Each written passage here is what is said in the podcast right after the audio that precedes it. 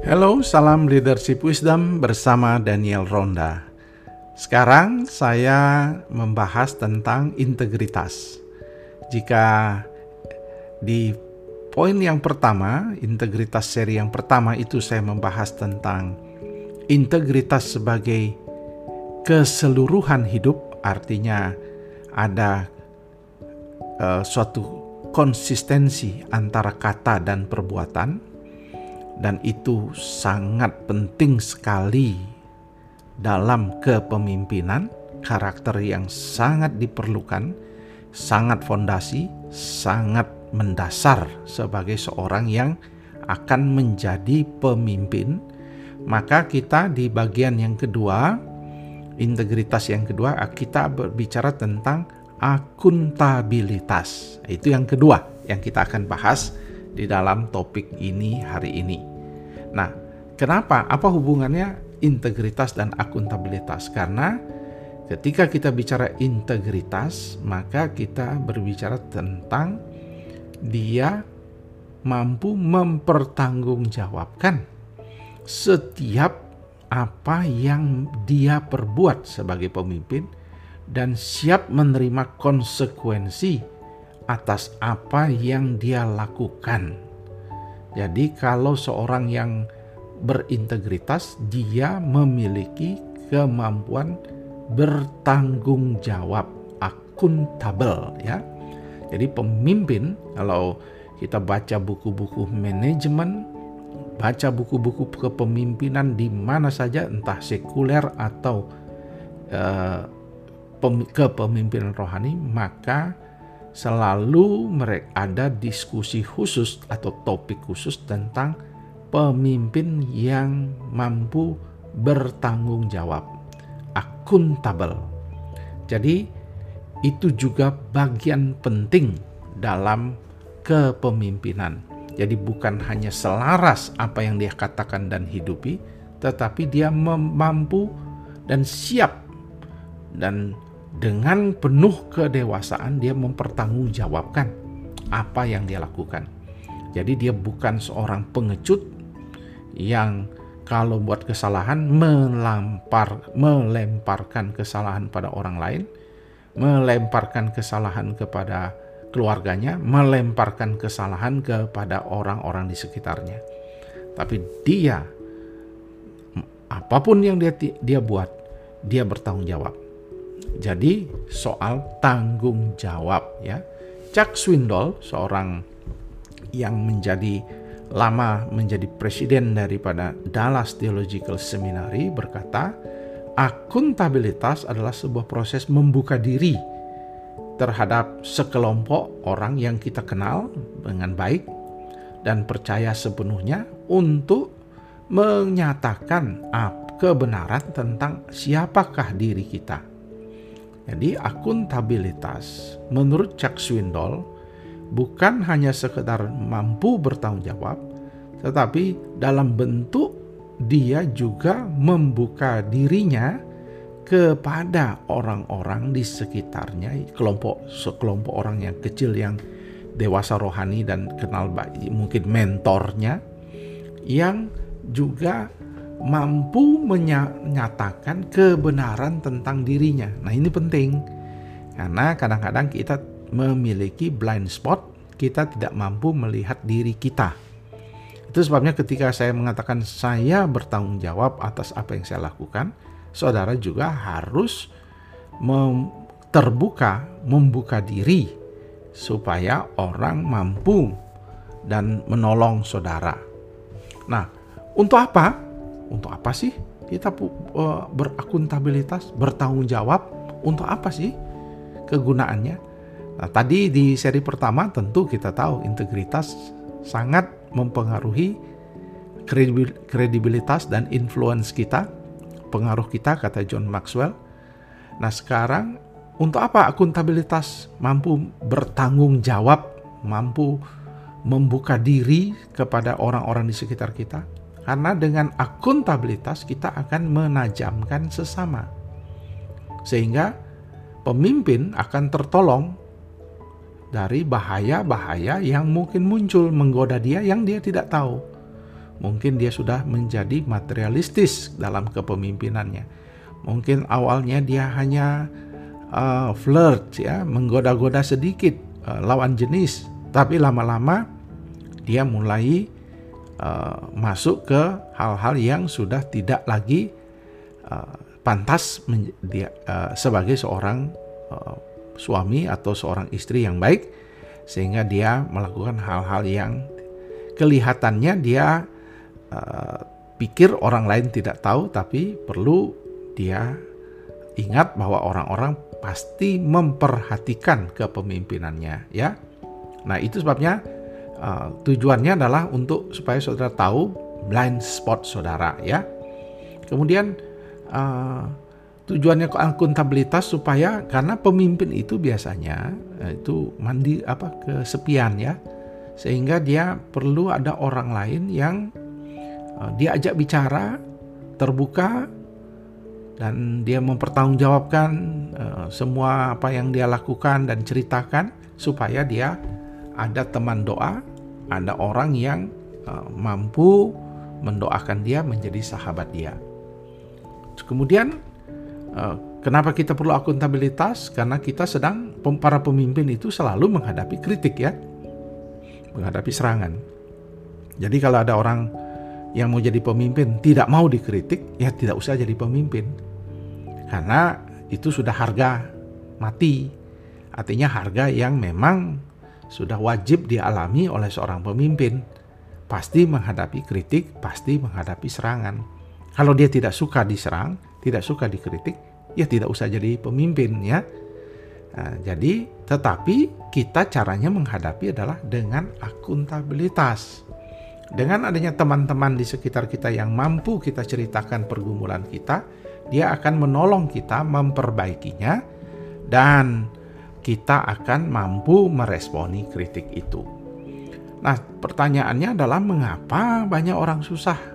Susah sekali gitu menjadi pribadi yang akuntabel, pribadi yang bertanggung jawab, pribadi yang mampu sharingkan pergumulan dia kepada orang-orang di sekitar dia yang yang dia percayai orang-orang dewasa rohani atau punya mentor.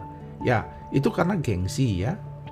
Karena dia merasa wah saya ini sudah doktor, saya ini sudah master, saya sudah sarjana, saya sudah usia, saya sudah pengalaman ya. Jadi di Indonesia sangat sulit sekali terbuka ya karena dia merasa dirinya sudah super power Kemudian dia pernah juga dipakai Tuhan secara luar biasa, diurapi sehingga dia merasa tidak perlu pertolongan. Nah, ini juga sangat fatal ya. Jadi kita harus apa? Uh, uh, jadi kita harus sungguh-sungguh merendahkan diri bahwa semua kita yang Tuhan kerjakan dalam hidup kita semuanya hanya anugerah saja.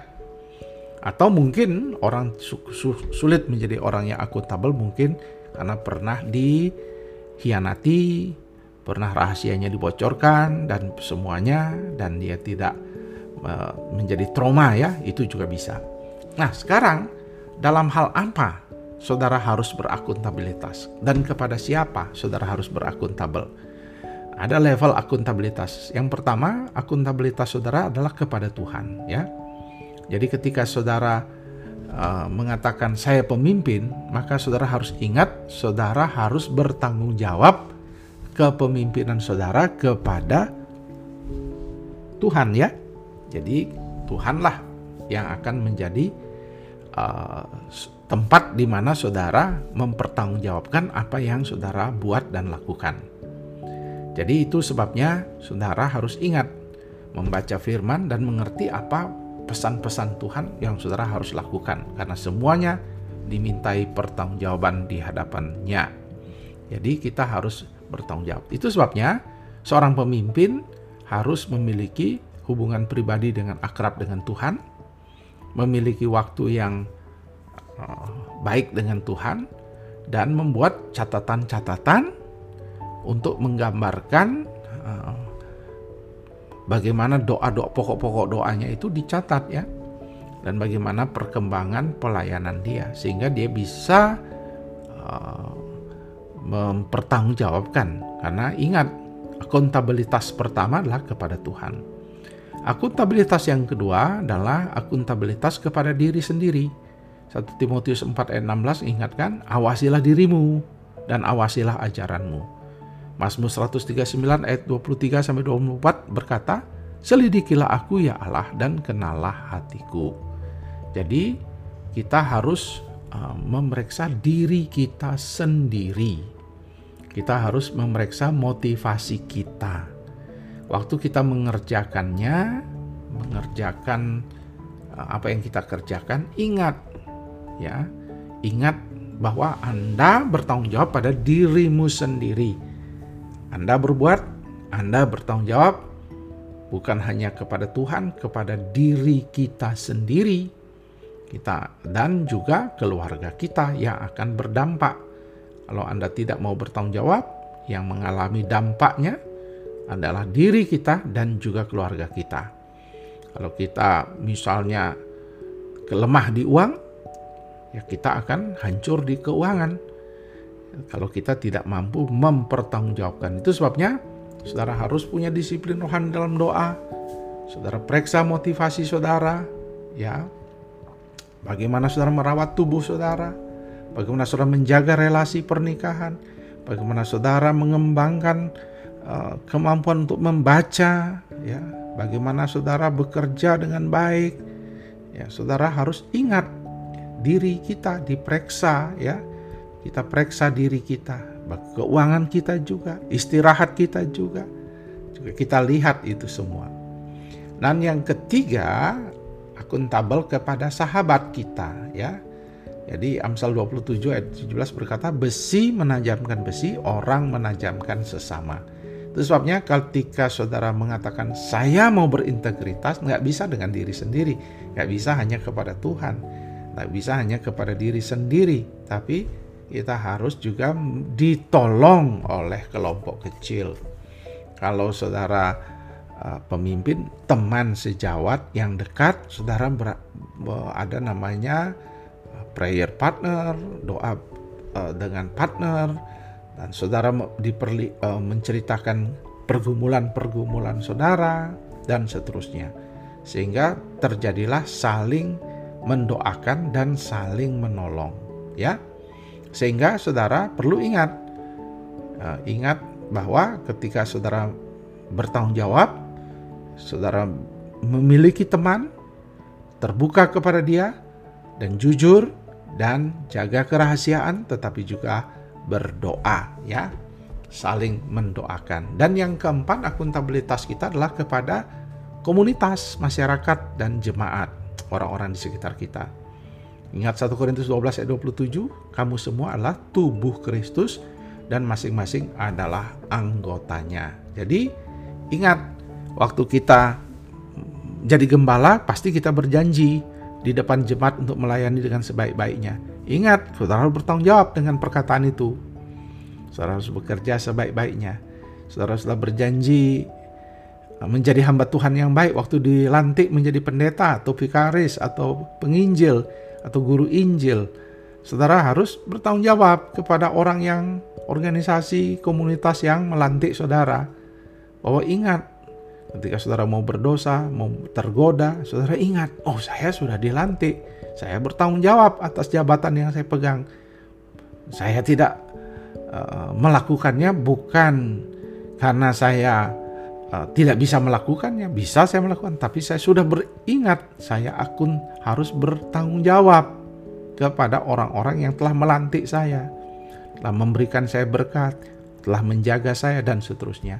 Dan orang-orang yang saya sudah layani, saya harus jaga nama baik mereka. Jadi itulah akuntabilitas.